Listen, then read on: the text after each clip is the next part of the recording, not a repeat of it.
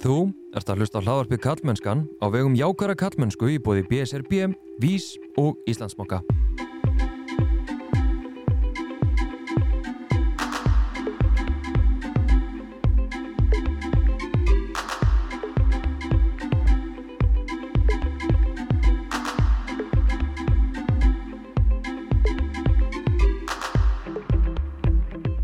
Ég heiti Þorstein Mafeinarsson og sé einnig um samfélagsmiðlinn Kallmennskan á Instagram og Facebook og kallmennskan.is þar sem þú getur meðal annars fræðst nánar um átakið jákvæð Kallmennska og þar getur þú líka gest bakkjarl við verkefni Kallmennskunar með mánadalegum styrtakaríslum.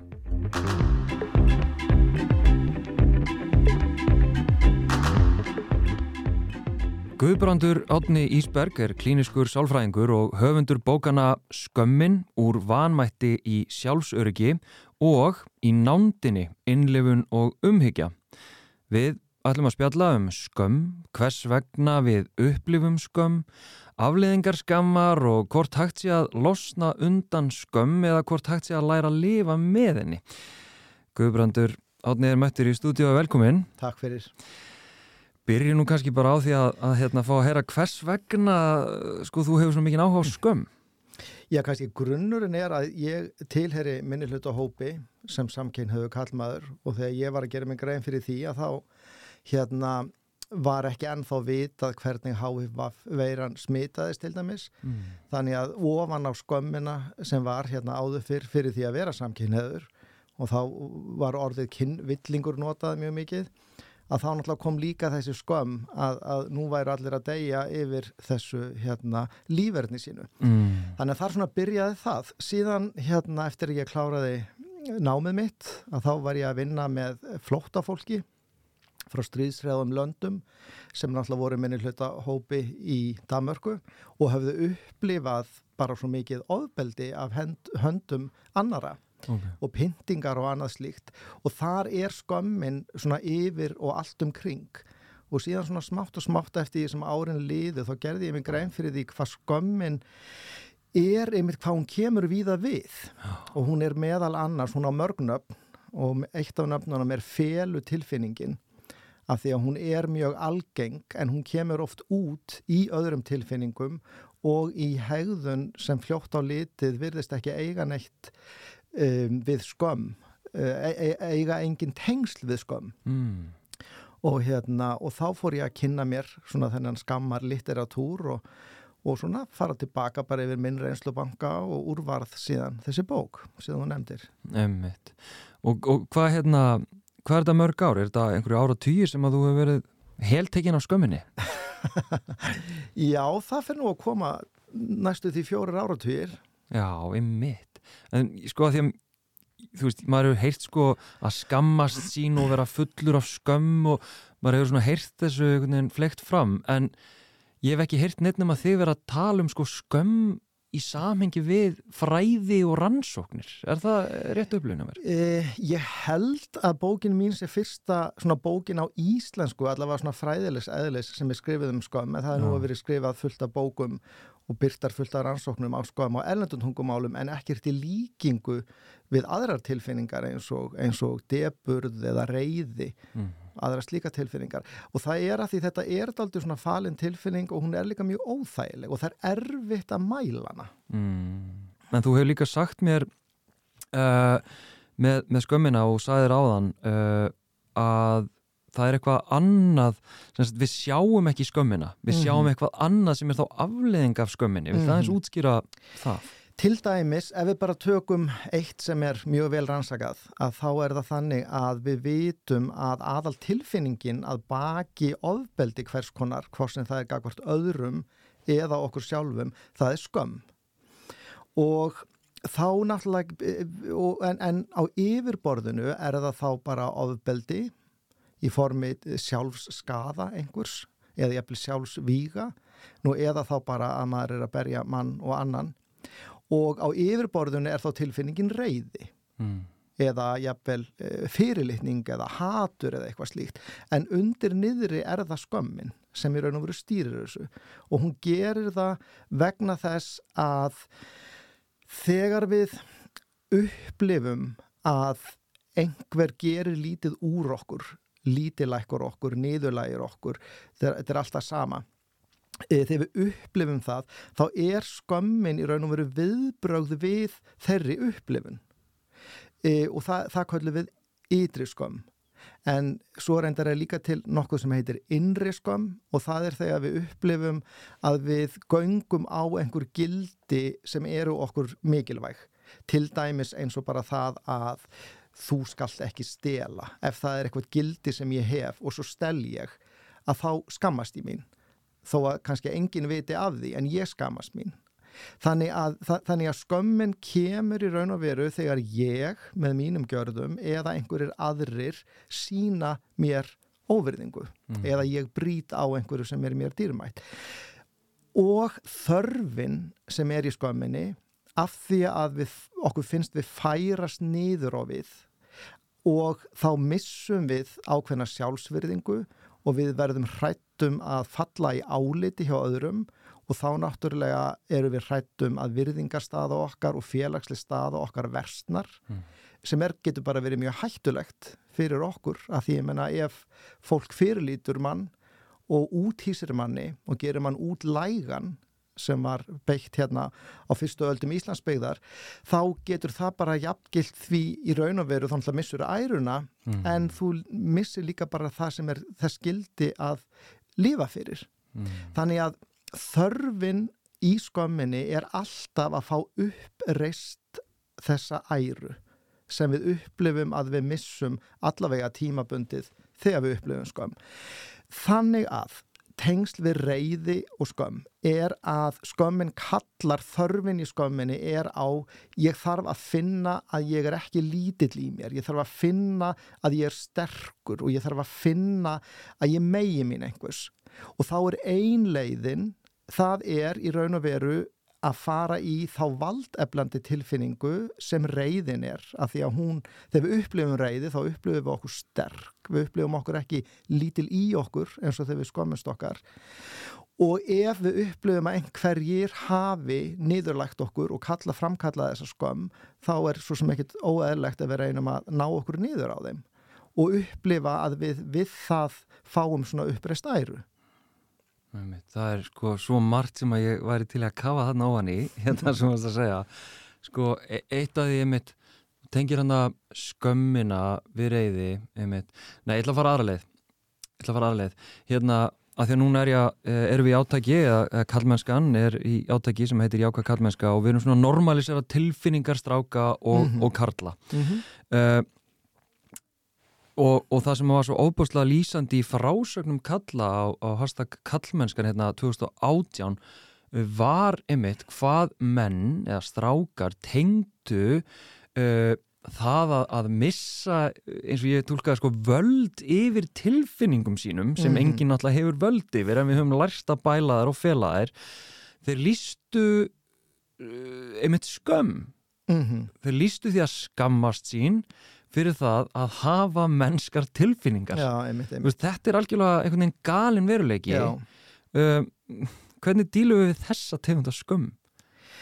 Sko, í mínum huga og það sem ég vinn með mínum skjálstæðingum, það sem þetta er vandamál, það er að hjálpa fólki að skilja bara hvað eru tilfinningar almennt. Og í fyrsta lagi að þá gefa tilfinningar okkur til kynna hvað, hvað er okkur mikilvægt ok? Þannig að til dæmis eh, ég er að fara í atvinni viðtal og mér langar mjög mikið í þessa vinnu. Þá er algjörlega gefið að ég upplifi kvíða. Ekki vegna þess að eitthvað hræðilegt sé að fara að gerast, heldur vegna þess að ég vil að þetta gangi vel. Mm -hmm. Þegar það að upplifa skömm, hvað segir það um mig? Það segir að það er mér mikilvægt að aðrir virði mig. Það er mér mikilvægt að félagsleg staða mín sé góð mm -hmm. og svona getur við tekið bara hvaða tilfinningu sem er þannig að þær gefa okkur allar mikilvægar upplýsingar um hvað er okkur dýrmætt, hvað er okkur mikilvægt um. þannig að um, og, og, og þetta hefur ekkert með einstaklingin að gera, þetta hefur bara með okkur sem tegund að gera Já. og það sem sko við gerum oft sem er ein af ótal svona grifjónum sem við föllum í og gerur okkur erfitt að vinna á eðlilegan máta úr tilfinningum það er að við setjum sama sem merki gætnan á milli óþægilegra tilfinninga og einhvers sem er slæmt mm.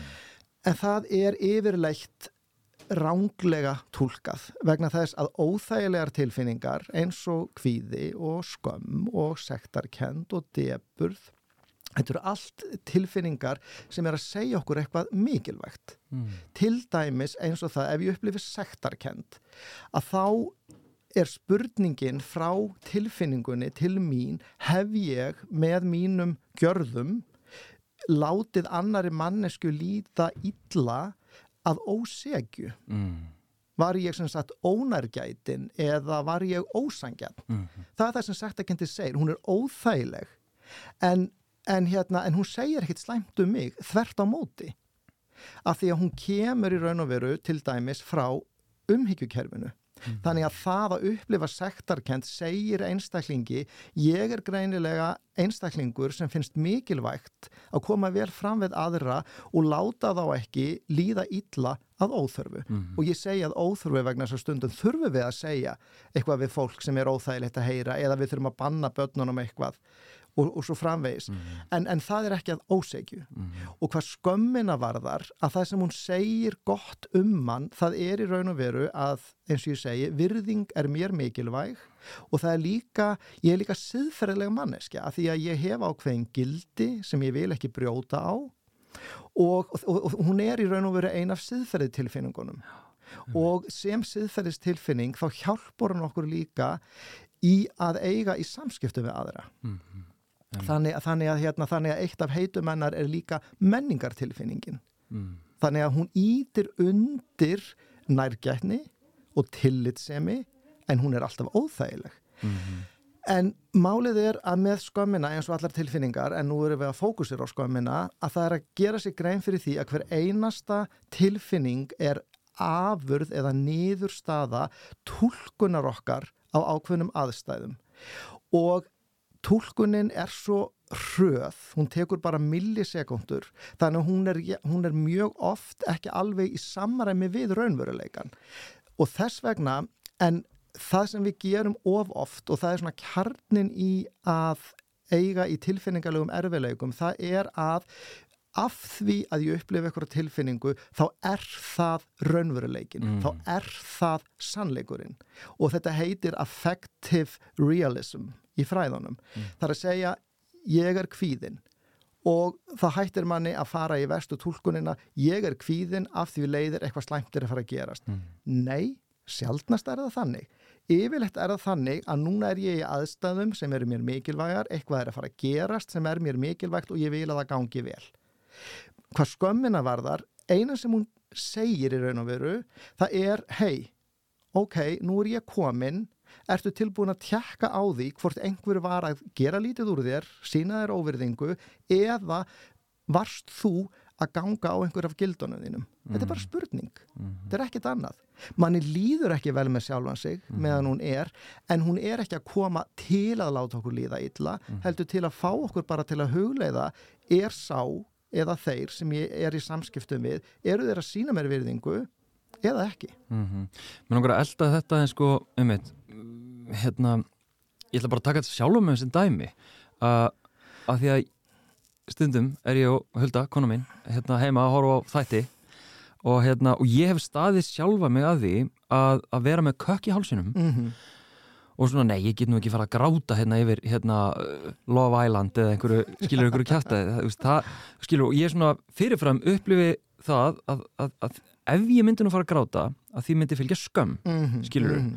þetta er algjörlega þú veist, þetta er svo absúrt þegar maður staldra við og bara pælar í þessu en þannig gerist það bara í mómentinu og ég hef alveg staðið með þessu uh, að því að sko það sem hefði verið í rauninni og er við erum að tala um í nánum samböndum að því ég held þetta sé alveg algengara heldur en mm -hmm. kannski er talað um það að menn séu einhvern veginn að harka af sér og svona síni ekki þessar tilfinningar að því að mitt því eigi að fylgja skömm mm -hmm. í mhm. hugmyndakerfun okkar mm -hmm.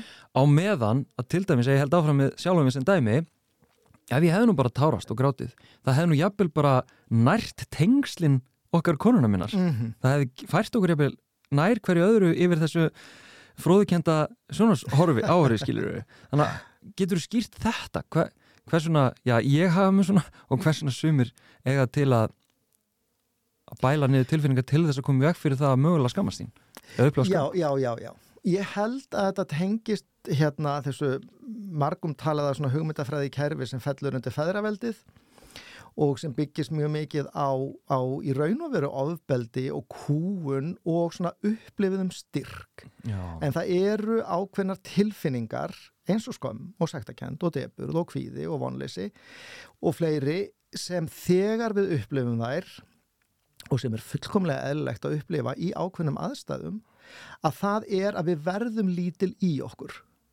og það að vera lítil í okkur það náttúrulega er ekki beint merkjum styrk Hel, vegna þess að þegar við erum lítil í okkur það sem, við, það sem okkur vantar frá öðrum eða frá umhverfinu það er í raun og veru hlýja og mm. umhyggja og ást og þetta með að vera að vera ekki sjálfum sem nógur það er skammalegt mm. en málið er að þetta er hugmyndafræði mm. og þetta er hugmyndafræði sem er í fullkominni anstöðu við þær verur sem við erum vegna þess að ástæðan fyrir því að við höfum lifað af svona lengi og erum höfum fjölgað okkur svona mikið það er vegna þess að yfirleitt erum við frið semdar manneskjur mm. eða dýr mm. og við náum þessu með samvinnu mm. og samvinna, raunveruleg samvinna byggir á virðingu en ekki ofbeldi eða kúun eða yfirgangi þannig að, þannig að það er mikilvægt í þessu samingi að verða aðeins meðvitaðri um að við höldum oft að við höfum svo frjálsan vilja og við getum ráðið svo mörgu en við erum svo ofbúslega mikið mótuð af umhverfin okkar og eins og Alison Gopnik sem er þróunar sálfræðingur orðar svo vel að í raun og veru menningin er gen okkar mm. í merkingunni að sko við höfum öll, við fæðumst öll með fullt af genum mm -hmm. en það eru mörg af genunum sem aldrei kvikna til lífsins og sum sem kvikna, á, eða sem, sem kvikna það sloknar á þeim mm. allt eftir því hvað umhverfið kallar á Þannig að þetta með að eh, eitthvað sé okkur nöðsynlega náttúrulegt, það fer eftir því í raun og veru bara hvernig umhverfi erum við alveg upp í og þá þarf maður að hugsa að þegar ég kemst við út af einhverju, það gerir mig hvorki að einhverju kettlingu eða kalli, það gerir mig bara að manneskja bara þeirri veru sem ég er. Þannig, þannig að það er að gera sér grein fyrir að þarna, þarna er ákveðin hugmyndafræði sem ég er að láta stjórna mér. Og ef ég vil vera frjáls manneskja, hvernig væri það að þess að tækla hana, kíkja á hana? Og jafnvel fara í andstöðu við hana. Ég ætla ekki að láta einhverju hugmyndafræði stjórna mér, ég ætla bara að horfa með konunum minni á Love Island og grænja eins og smásterpa þú veist, akkur ekki? Já, já. menn er ekki power í því? Nei, það er nefnilega ekki power í því að því að, að, því að það er svo hérna, þetta er svo innan gæðsala bara hættulegt? Já, en málið, er, en málið er þetta með að vera maður sjálfur. Að þóra að vera maður sjálfur. Og ég spyr oft suma af mínu skjólstæðingum oftar karla en konur það er þetta hvort krefsta meira hugrekkis að sína þá mannesku sem maður er eða að felana og ég menna ég hef aldrei hitt á mínum yfir 20 ára ferli sem sálfræðingur aldrei einhvern sem hefur sagt það að fela sig er meira hugrekki, nei það krefst hugrekkis að standa við það sem aður er mm. og að mhm. standa við tilfinningar sínar og hugrekki hmm, er það karllegt eða er það kvenlegt enkenni Þa, það er svona eitt af því sem er sett í kategóriuna en ekki það, við erum öll með karli og kvenlega enkenni mm. og þetta er svona eitt af því sem er aldrei hátt hérna. þannig að ok, ef þú vilt vera sann, sannur karlmaður þú veist, verður þá hugrakkur og syndu þig, mm -hmm. af því það er miklu af því að með því að sína þig þá áttu alltaf von á því að einhverjir samþykki þig ekki mm og einhverjir síni þér ofriðingu gerir lítið úr þér og framkallir skömm. En með hugrekkinu þá tekst ég á við það. Mm -hmm. Sko bókin hérna í nándinni eh, sko að því að ég upplifði aldrei með þetta skömmin geti komið í veg fyrir tengsl eins og bara í parasamöndum Já voru, er þessar bækur eitthvað kallast á eða? Já, þar eru það. Sko, í fyrsta lagi að þá er hérna, eru alla tilfinningar meðal annars skömmin til í sko eðlilegri mynd sem þýðir þá að þá er hún það sem að kalla svona tempruð, hún er í jafnvægi mm. og hvað þýðir það? Það þýðir að þegar einhver tilfinning er í jafnvægi þá þýðir það að ég finn fyrir henni en ég get algjörlega veldinni fyrir mér. Til dæmis þú segir eitthvað og ég verði óbúslega reyður út í þig. Mm. en ef hún er í jafnvægi, ef hún er tempruð þá get ég veldi fyrir mér ok, ég er rosalega reyður út í hann Þorstein, hvað á ég að gera? Á ég að standa upp og kílan eða stingan eða hvað? Eða á ég að segja við hann herðu Þorstein, þetta, þetta var ekki lægi mm. ok, ég, mér finnst þetta ekki lægi veist, og, og skömmin þegar hún er í jafnvægi og það er, hún er í jafnvægi þegar við svona roðnum þegar okkur finnst eitthvað rosalega vandraðilegt eitthvað þannig að þá er hugsunin okkar alveg skýr. Og þá erum við bara, getum veld fyrir okkur bara þú veist, ok, vá, ég skammast mér Hva, hvað er það, ég er að fara á deiti fyrsta skipti og ég finn ég roðuna rosalega mikið, hvað allir hún hans ég að hugsa um mig og allt þetta, en ég er alveg með.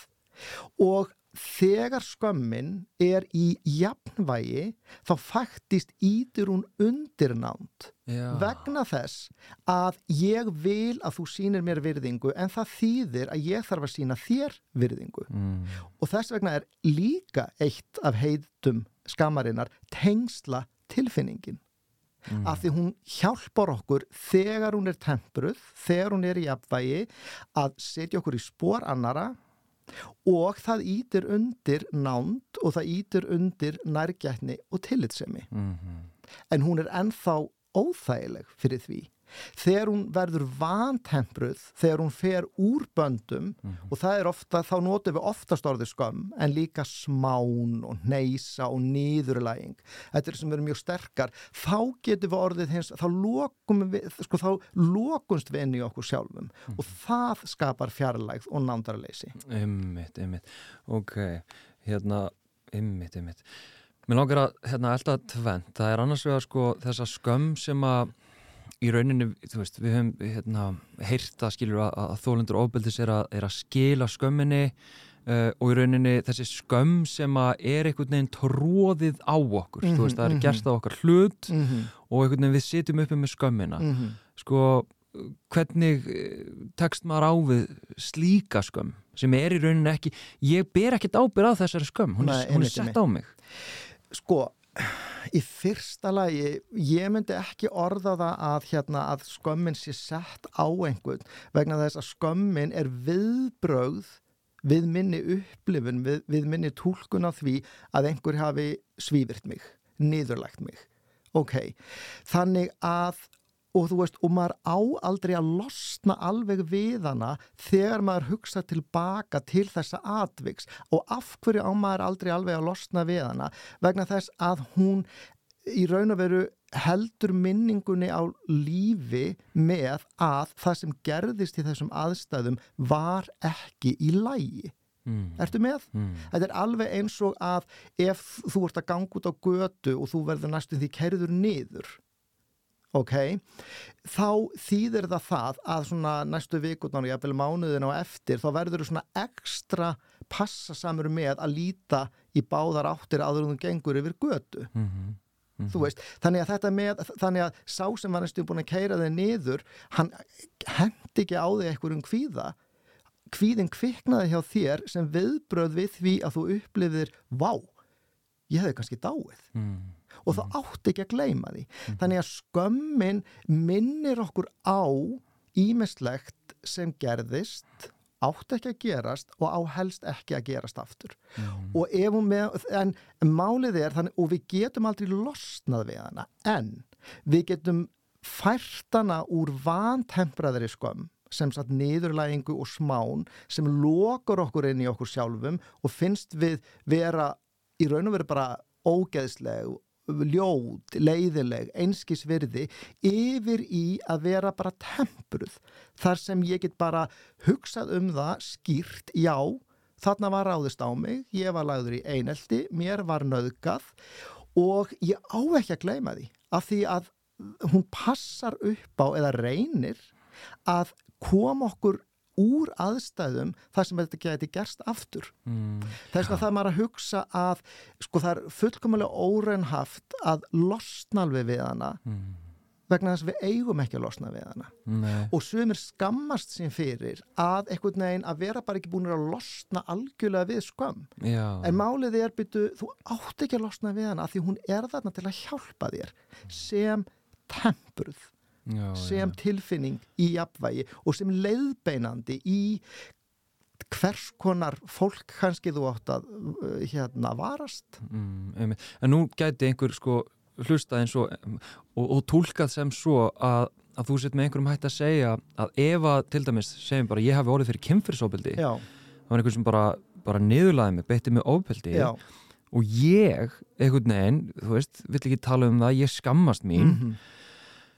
Það mætti tólka sem svo að hérna, að ég ætti að sitja upp með þessa skömm skilur að, að því að þetta var bara vennileg manneskja og ég treyst henni og, og, en hún fór svona svífirlegu mörki mín og, og ég sitja upp með þessa skömm og ég vil ekki hafa þessa skömm, ég vil skila þessar skömm Mhm, mhm. þú veist, ertu að tala um að að það sé gott fyrir mig að sitja upp með skömmina Sko, það, það er vond að sitja uppi með skömm sem er það sterk að manni finnist maður bara hálf manneskja og lítils eða jafnvel einskisverði. mm -hmm. Það á ekki nokkur að sætta sig við.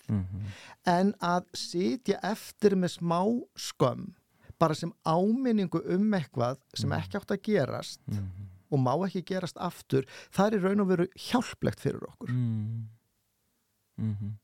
Mm ok, en afleðingin sem sagt, ef við fyrum hinbóina því að Mhm. áðan talar um að með reyðina, hvernig hún er svona dræf úr vanmætti og, og jafnvel einhverju skömm Já, að þegar að skömmin, hérna við sitjum ekki uppi með skömm að því að brotið á okkur heldur henni akkurat öfugt að jafnvel við erum farin að vaða yfir annað fólk og jafnvel sko loka á það og, og, og, og, og hérna bá svona reyðin okkar í, í skömm. Getur aðeins útskýrt þá skammar tilfinningu Já, sko, hérna, ég held að sé best að skýra það þannig að þegar við upplifum hættu, að þá eru fjögur kerfi sem við höfum inn í okkur til að takast á við þessa hættu, gott og vel.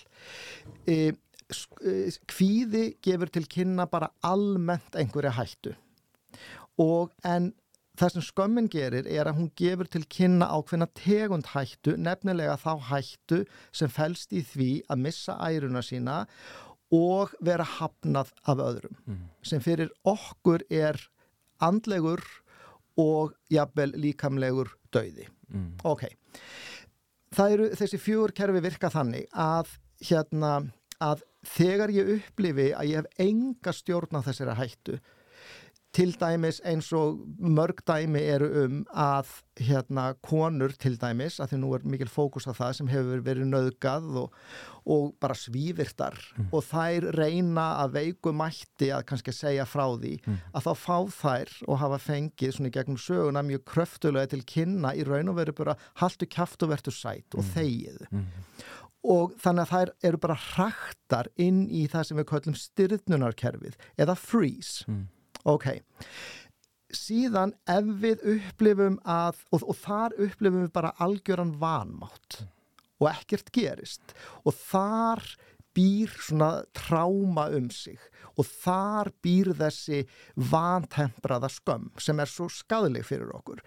Þegar við síðan upplifum að við höfum aðeins meira eitthvað, nei, við, við erum ekki alveg vanmáttu, við getum gert eitthvað, þá fyrir við kannski að segja frá ofbeldinu, en erum ekki að segja kannski nákvæmlega hvað gerðist og því síður hverða var eða hvenar jafnvel eða eitthvað slíkt í vonum að einhver svona hlusti á okkur. Og þe- þegar við tökum umræðina um, um hérna, og það, og það er flóttakerfið sem ræður þar.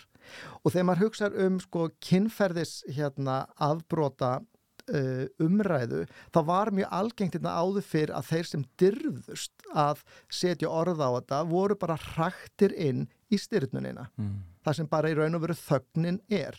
Síðan uh, svona verður aðeins meira samfélagið opnar og þá má aðeins meir og þá er svona aðeins varfærnislega að færa að setja orð á þetta í vonum að ég verði nú ekki hrakin aftur til þagnar.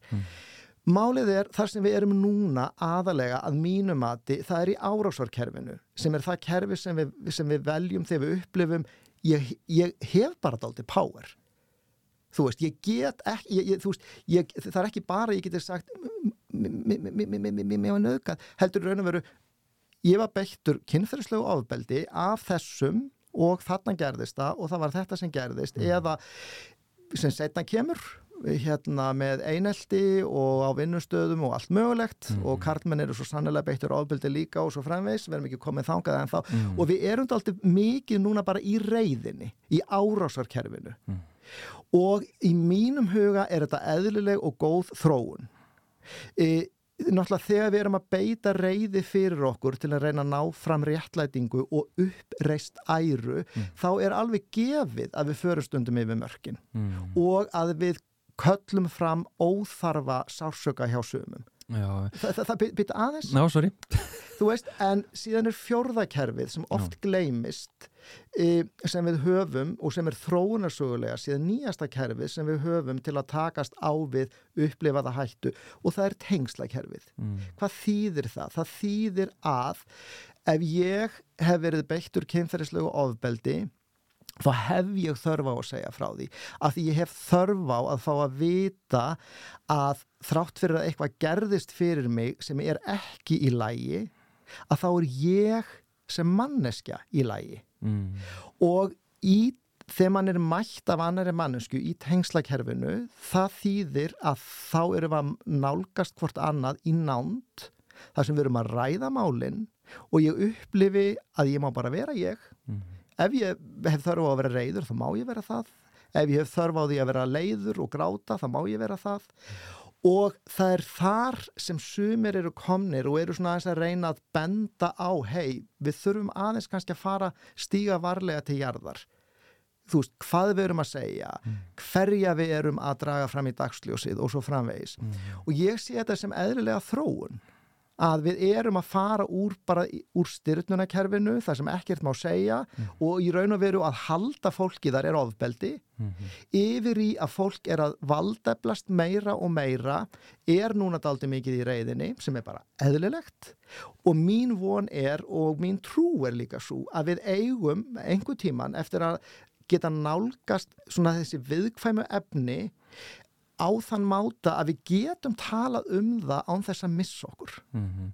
Einmitt, Það er náttúrulega bara að vera að rjúfa einhvern veginn og, og reyna að krefast réttlætis í einhvern veginn kerfi sem að er búið að vera svo ofbúðslega óréttlátt akkurat, sko lengi, akkurat, þannig að ég, ég skil það. En, en þessi, ef að segja óréttláta reyði að því að núna, einmitt, talar aðan um það sko, kannski árum fórum í upptöku að, að hérna uh, strákar að kallar sko meiga vera reyðir mm -hmm, veist, mm -hmm. og við sjáum þetta sko byrtast kannski því að mér er alveg drullu sama veist, svara hverjum öðrum veist, þetta takk og þessi reyði mm -hmm. sko svo tegund, það sem við erum ekki að tala um neitt ofbeldi, kynfyrsofbeldi, við erum bara að tala um mhm. það að við erum með kalla sem eru ofbáslega reyðir skilur við, mhm. að hérna hvernig segjum sem svo að einhver sem er að hlusta er svona já, ég er nú kannski alltaf doldi reyður ég veit ekkert af hverju, en ég er alltaf reyður og ég kannski er doldi markalus í samskiptum og læt fólk heyra það hérna þú veist, ákveðslu fólkið út í bakari og æskiluru mm -hmm, mm -hmm. þessi tegund af reyði mm -hmm. uh, hvað getur verið þarna á baku hvernig, með öðrum orðum hvernig getur fólk, sérstaklega menna því ég er alltaf að fókusa þá, já, já. sem að eru doldið svona með allt á hodnum sér já. og breðast við því þessari reyði og aggressjón hvernig geta þær tekið ábyrða þessu? Sko í fyrsta lagi er það bara, maður getur sagt um svo staðrindin er svo að mér líður einhvern veginn á þann máta sem mér líður. Og ef það er einmitt reyði sem mér finnst vera vandamál hjá mér að þá er það fyrsta, ok, ég er bara óbúslega reyður og af hverju allir ég sé svona reyður og það getur verið margar ástæður. Að, að, að hluta til getur það verið bara vegna þess að mér finnst eitthvað bara óbúslega ósangjant og ég er ósáttur við eitthvað og það er bara svona hreinreiði, það er mm. ekkert svona afleit reiði af skömm, það er bara svona hreinreiði mm -hmm. en það getur líka verið hjá sumum sérstaklega þeim okkar sem hefur ekki verið kent að takast á við þessar tilfinningar sem ég nefndi áðan og sem gera það að verkum að þegar við upplifum þær þá eru við aldrei svona litlir í okkur.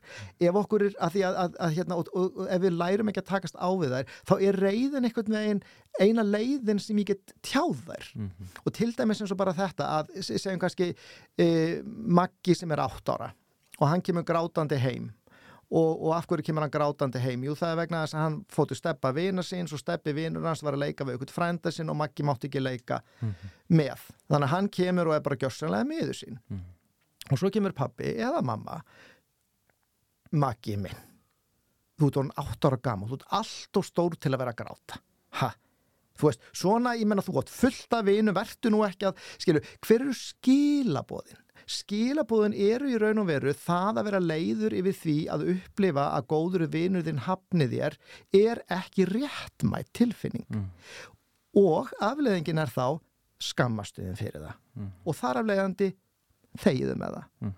Eða að vera kvíðin hafa áhyggjur sem sagt veist, þa- þannig og þá sér maður stundum með, með menn sem e- einhvern veginn eru aldir upp svona einmitt í bara daldi harðnesku það er að sko þegar maður kannski spyr hérna já vá hérna óbúslega hérna hef, hlýtur það að vera erfitt fyrir þetta var bara svona eins og það var. Það var bara eins og það var. Veginn byrju ok, þe- þetta er bara engan veginn í saman með það hvernig maður skinnjar sko, þú veist, og miða við aðstæður og allt þetta, en hann kann ekki annað. Mm. Og þá ertu náttúrulega orðin bara dálítið svona maskina sem einhvern veginn tekst á við ýmsar svona eðlilegar og viðkvæmar tilfinningar bara alltaf með einhverju reyði og það sem er svo sorglegt við það er að engan langar til að, að, að faðma að sér brottgöld Mhm. skilur við. Þannig að þegar þið líður illa þá hefur þörf á umhyggju og þörf á skilningi og þörf á nánd en þú ert í raun og veru með hegðunðinni að ídöllum frá þér. Mm. Og talandi síðan um það að vera einmana. Þegar við erum einmana, hvað þýðir það? Það þýðir mig skortir nánd. Mig skortir að, að ég geti verið ég í kringum aðra mannesku. Og við vitum það í dag eins ótrúlegt og það hljómar að það að vera mánuðum saman mjög einmana er skadlegra fyrir okkur heldur en að reykja pakk af síkaretum á dag Mm. Að því streytukerfi okkar fer algjörlegu skorðum og kortisol sem oft er nefnt sem eitt af streytuhormónunum það er bólgumyndandi Mm. meðal annars Mm. og grunnur allra sjúkdóma meira eða minna víst eru bólgur þannig að hérna og getur haft áhrif á hjartað og allt mögulegt þannig að, þannig að þetta með að geta staðið með því hvernig okkur líður og að alast upp við að læra inn á það í mínum huga eru það mannréttindi. Mhm. í mínum huga er ekki mannréttindi að allir eigi bíl eða að allir eigi að geta farið einu sinni til útland á ári. Í mínum huga að fínt ef fólk getur gert það. En mannréttindi er að ég geti lifa þannig að ég sé sáttu við sjálfa mig og að ég geti haga mér á þann máta að þú veist, aðri vilja verið í kringum mig og, þykir, og aðri, öðrum þykja vænt um mig og við vitum að það er grunnur hamingunar, það er að upplifa að ég tilheyri og að tilvera mín skipti aðra máli. Einmitt. Þannig að mitt lýsur hvernig í rauninni skömmin er innrætt í hérna jafnvel, ungum strákum sko sem að finna mennskar tilfinningar Mm -hmm. svona skammast inn eða þú veist, haldi eftir ekki að vera að tala um þetta og, og ég á ekki að vera svona, ég skammast inn fyrir það að vera, vera svona og, og, og, svo verður við stærri og, og hérna og eitthvað og, og svo kannski er þetta að fara að vera þannig að, við erum eins og ég held að ansi margir sjú kannski að vakna upp, upp við vondan draum sko að, hérna, eða veruleika, ekki draum, bara sinn eigin veruleika að skammast sín fyrir þá skömm sem að þeir hafa fyrir innrættir með Já, að átta sig á því Já. og skamma sín að ég ætti nú kannski ekki að haga mig svona ég ætti nú kannski ekki að vera svona mikill brottgöldur Mm -hmm. Einmitt, einmitt, einmitt. hvernig geta menn tekið ábyrð á, á þeirri skömm og kannski sektarkend Sko þá hugsa ég eh, tilbaka sem ég nefndi áðan, hvað segir skömmin um okkur stundum? Og það ef þú ert maður sem einhvern veginn er, eða þér finnst þú vera alltaf svona reyður einhvern veginn út í allt og, og, og allt þetta og svona, og þér líður illa með það og þér langar ekki að vera það. Hva, hvað er skömmin að segja þér þá? Það sem hún er að segja þér er, þú ert maður sem í fyrsta lagi langar ekki alltaf að vera svona reyður. Þú ert maður sem langar að bara eiga í góðum samskiptum með fólk. Þú veist, allt er lagi að finnast sem er hundleiðilegir og allt er lagi að hafa ekkert áhuga öllum og allt það, en það, það, það, það segir eitthvað gott um þig, svona langar mig ekki að vera. Þú veist, þannig að þetta með að geta hlustað á þessa óþægilegu tilfinningu og reynd að hugsa, ok, hún er óþægileg en er hún að segja mér eitthvað gott um mig? Já. En menn vantalega geta ekki bara hrist þetta af sér eða lært á þetta sjálfur. Þeir þurfa jafnvel að fá bara fagaðast og til þess að díla við. Algjörlega, algjörlega. Tilfinningar eru að mörguleiti mjög flókið fyrirbæri mm. og, og, og, og þú veist, og þetta er svona aldrei eins og að læra að lesa mm. að þau okkar sem kunnar mjög vel að lesa við erum fyrir laungum búin að gleima því hvað það tók langan tíma og hvað það var í raun og verið erfitt Já, þú veist, og það er alveg eins með tilfinningar að við, sko foreldra okkar náttúrulega foreldra get ekki gefið það sem þeir ekki eiga mm. og ef foreldra hafa ekki lært nægilega mikið inn á tilfinningar að þá náttúrulega geta þeir ekki kent börnunum sínu það Nei. og við vitum til dæmis að tilfinningalæsi þarf að segja að kunnin á tilfinningar, skilja tilfinningar og vita hvernig hægt er að bregðast við þeim á uppbyggilegan máta hefur mikla fylgni við hamingju, við líkamlegt heilbreyði, við getu okkar til að eiga í samskipti við aðra, við hérna kreativitet, hversu kreatífi erum. Mm. hversu hæfi erum ég að setja okkur í spór annara þannig að, þannig að það að kunna vel inn á tilfinningar tengist svo mörgu öðru uh, sem gerur okkur kleift að bara vera farsæl í okkar lífi. Að þannig að í raun og veru er það að kunna inn á tilfinningar er andleg og félagsleg föllun mm. Svo hérna eru nú sumir sem að Þú er semst líst í núna hvernig í rauninni skömmin er gagleg, henni fylgja alls konar vísbytningar, mikilvægt að kunna að lifa með skömminni og temprana. Uh, en svo eru sumir sem að verðast ekki kunna að skamast sín. Og hérna, sko, og, og þú hefur ágjör á þeim típum. Já, sko, hérna, málið er að einleiðin til að, að, hérna, að takast á við skömm er að bara afneitinni. Að hérna bara ég skammast mér ekki neitt. Og þá fer maður í skammarleysið og þá í raun og veru aftengir maður sig þeim upplýsingum sem skömmin miðlar. Kostnaðurinn við það er að ég verð ónargætin og tillitslaus og með fullri virðingu fyrir þeim einstaklingi að því ég finn til með honum reyndar að það er Trump Mm. menn að maður veit og það er líkur alveg ljóst fyrir að, að hann elst upp í ungferfi þar sem í raun og veru var bara gert lítið úr þeim bræðurum og hérna og ef þeir voru ekki bestir eða klárastir að þá áttu þeir að skamma sín annarkort ertu með gullið eða þú ert aumingi og svo framvegis mm. Þannig að hérna þannig að hann fer yfir í þess að yfirmáta karlmennsku og í raun og veru segir hluti við bara fólk sem flestur hugsa bara, maður segir þetta ekki maður kannski hugsa það stundum mm. en maður segir þetta ekki og akkur segir maður það ekki af því að ég vil ekki vera að kalla fram óþarfa sásöka hjá annari mannesku mm. Sem er sektarkendin mm. og við getum ekki fundið til sektarkendar ef við erum ekki tengslu með skömmina. Sektarkendin kemur á eftir svona hún þróast á eftir skömminni. Þannig að ef við erum í skammarleysinu þá erum við að segja hluti sem maður bara segir ekki þú veist, stundum er það algjörlega saklust í merkingunni að það er bara ægi, það er þessi karakter sem einhvern veginn kemur inn í samræður og, og bara yfir tekur það strax og er ekkert að pæla í því hvernig aðstæður eru og svo framvegis mm. en svo getur þau auðvitað farið yfir í að bara, þú veist, mér erst þú sætt og ég bara klýp þig og, og, og bara fer undir buksnastrengiðinn og allt þetta vegna þess að þú veist, ég er í einhvern tengslum við að sekta kendina sem kemur í vekk fyrir að maður svona, þú veist sé að valda öðrum sásöka mm. og líka þetta með að byttu hvað hugsa aðrir um þig að þú ert bara káandi að ná þessari stelpu mm. veist, þannig, þannig að það er mjög alvarlegt að vera ekki í tengslum við hana mm. Já, og mér sko í umræðinu, svona ofnbyrju umræðu til dæmis bara við aðeins tengjum aftur inn á svona rétt að lokum inn á bara umræðum um gerundur ábyldis og annað uh, og viðbröðsumræð við, ef að segja ásökunum mm. sko mm, það virðist reynilega að vera þannig að sumir séu einfallega uh, bara upplifa enga skömm og, og, og séu einhverju leiti bara alveg sko siðblindi narsisistar og hérna bara finna ekki til samkendarinn í skammar eða, eða hafa einhverja burði til þess að setja spurningamerki við sjálfa sig mm -hmm, sem ég held að hljóta að vera eitthvað sem við þurfum að geta gert sko, algjörlega vera gaggrinn á okkur sjálf. algjörlega. Eh, sko að því ég er nú að tala um það einhverja siðblinda narsisista skilur eins og það sé bara einhver útópía en ég menna það er raunverulega til þannig já, einstaklingar. Já, algjörlega. Uh, en þeir eru kannski ekkit mjög líklega til þess að sjá sjálfur að þeir uh, þeim skorti eitthvað á siðfyrirskendina sína.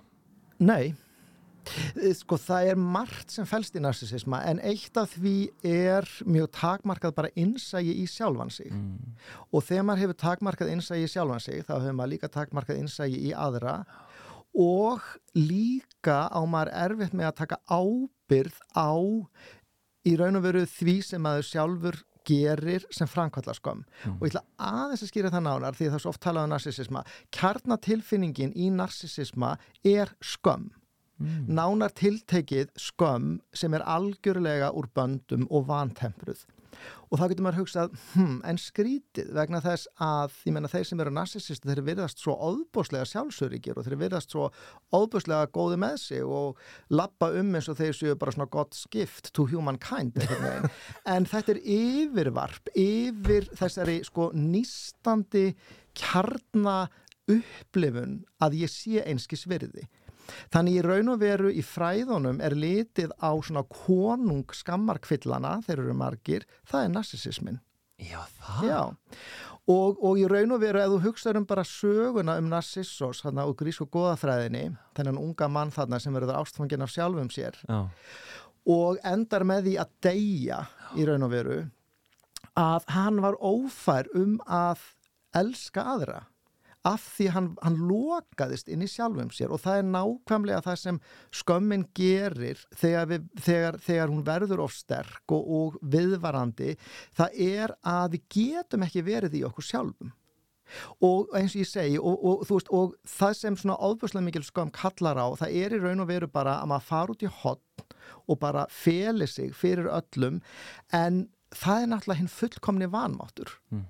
Og andstæðan er akkurat að fara í ég er stór, ég er sterkur ég er geggjaður þú veist, en það skapar óðbóslega mikla fjarlægð Mm -hmm. þannig að í raun og veru borgunin fyrir narsisismann er svona fangelsi þar sem þú ert alltaf einn með sjálfum þér og það eru hræðilega örlög Mm -hmm.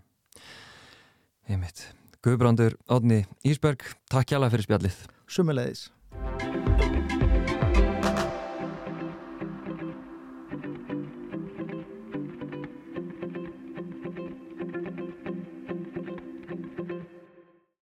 Takk fyrir að hlusta alla leið til enda. Um, ef að þið líkar þessi þáttur og þú ert ekki nú þegar bakkjarl karlmennskunar, þá langar mig að benda þér á að þú getur stuðlaða frekari hláðastáttagerð og fræðsluaktivisma karlmennskunar á samfélagsmiðlum með því að fara inn á karlmennskan.is og gerast bakkjarl með mánaðalegum styrtakreislum. Þú getur valið frá 990 krónum og stuðlað þannig að frekari verkefnum og starfsemi karlmennskunar. Mér langar líka til að benda á að það er afskaplega vel þegið ef þú ert til í að reyta þetta hlaðvarp á Spotify eh, og podcast appinu gefa, gefa nokkra stjörnur en annars takka ég bara kjælega fyrir að hlusta þá til næst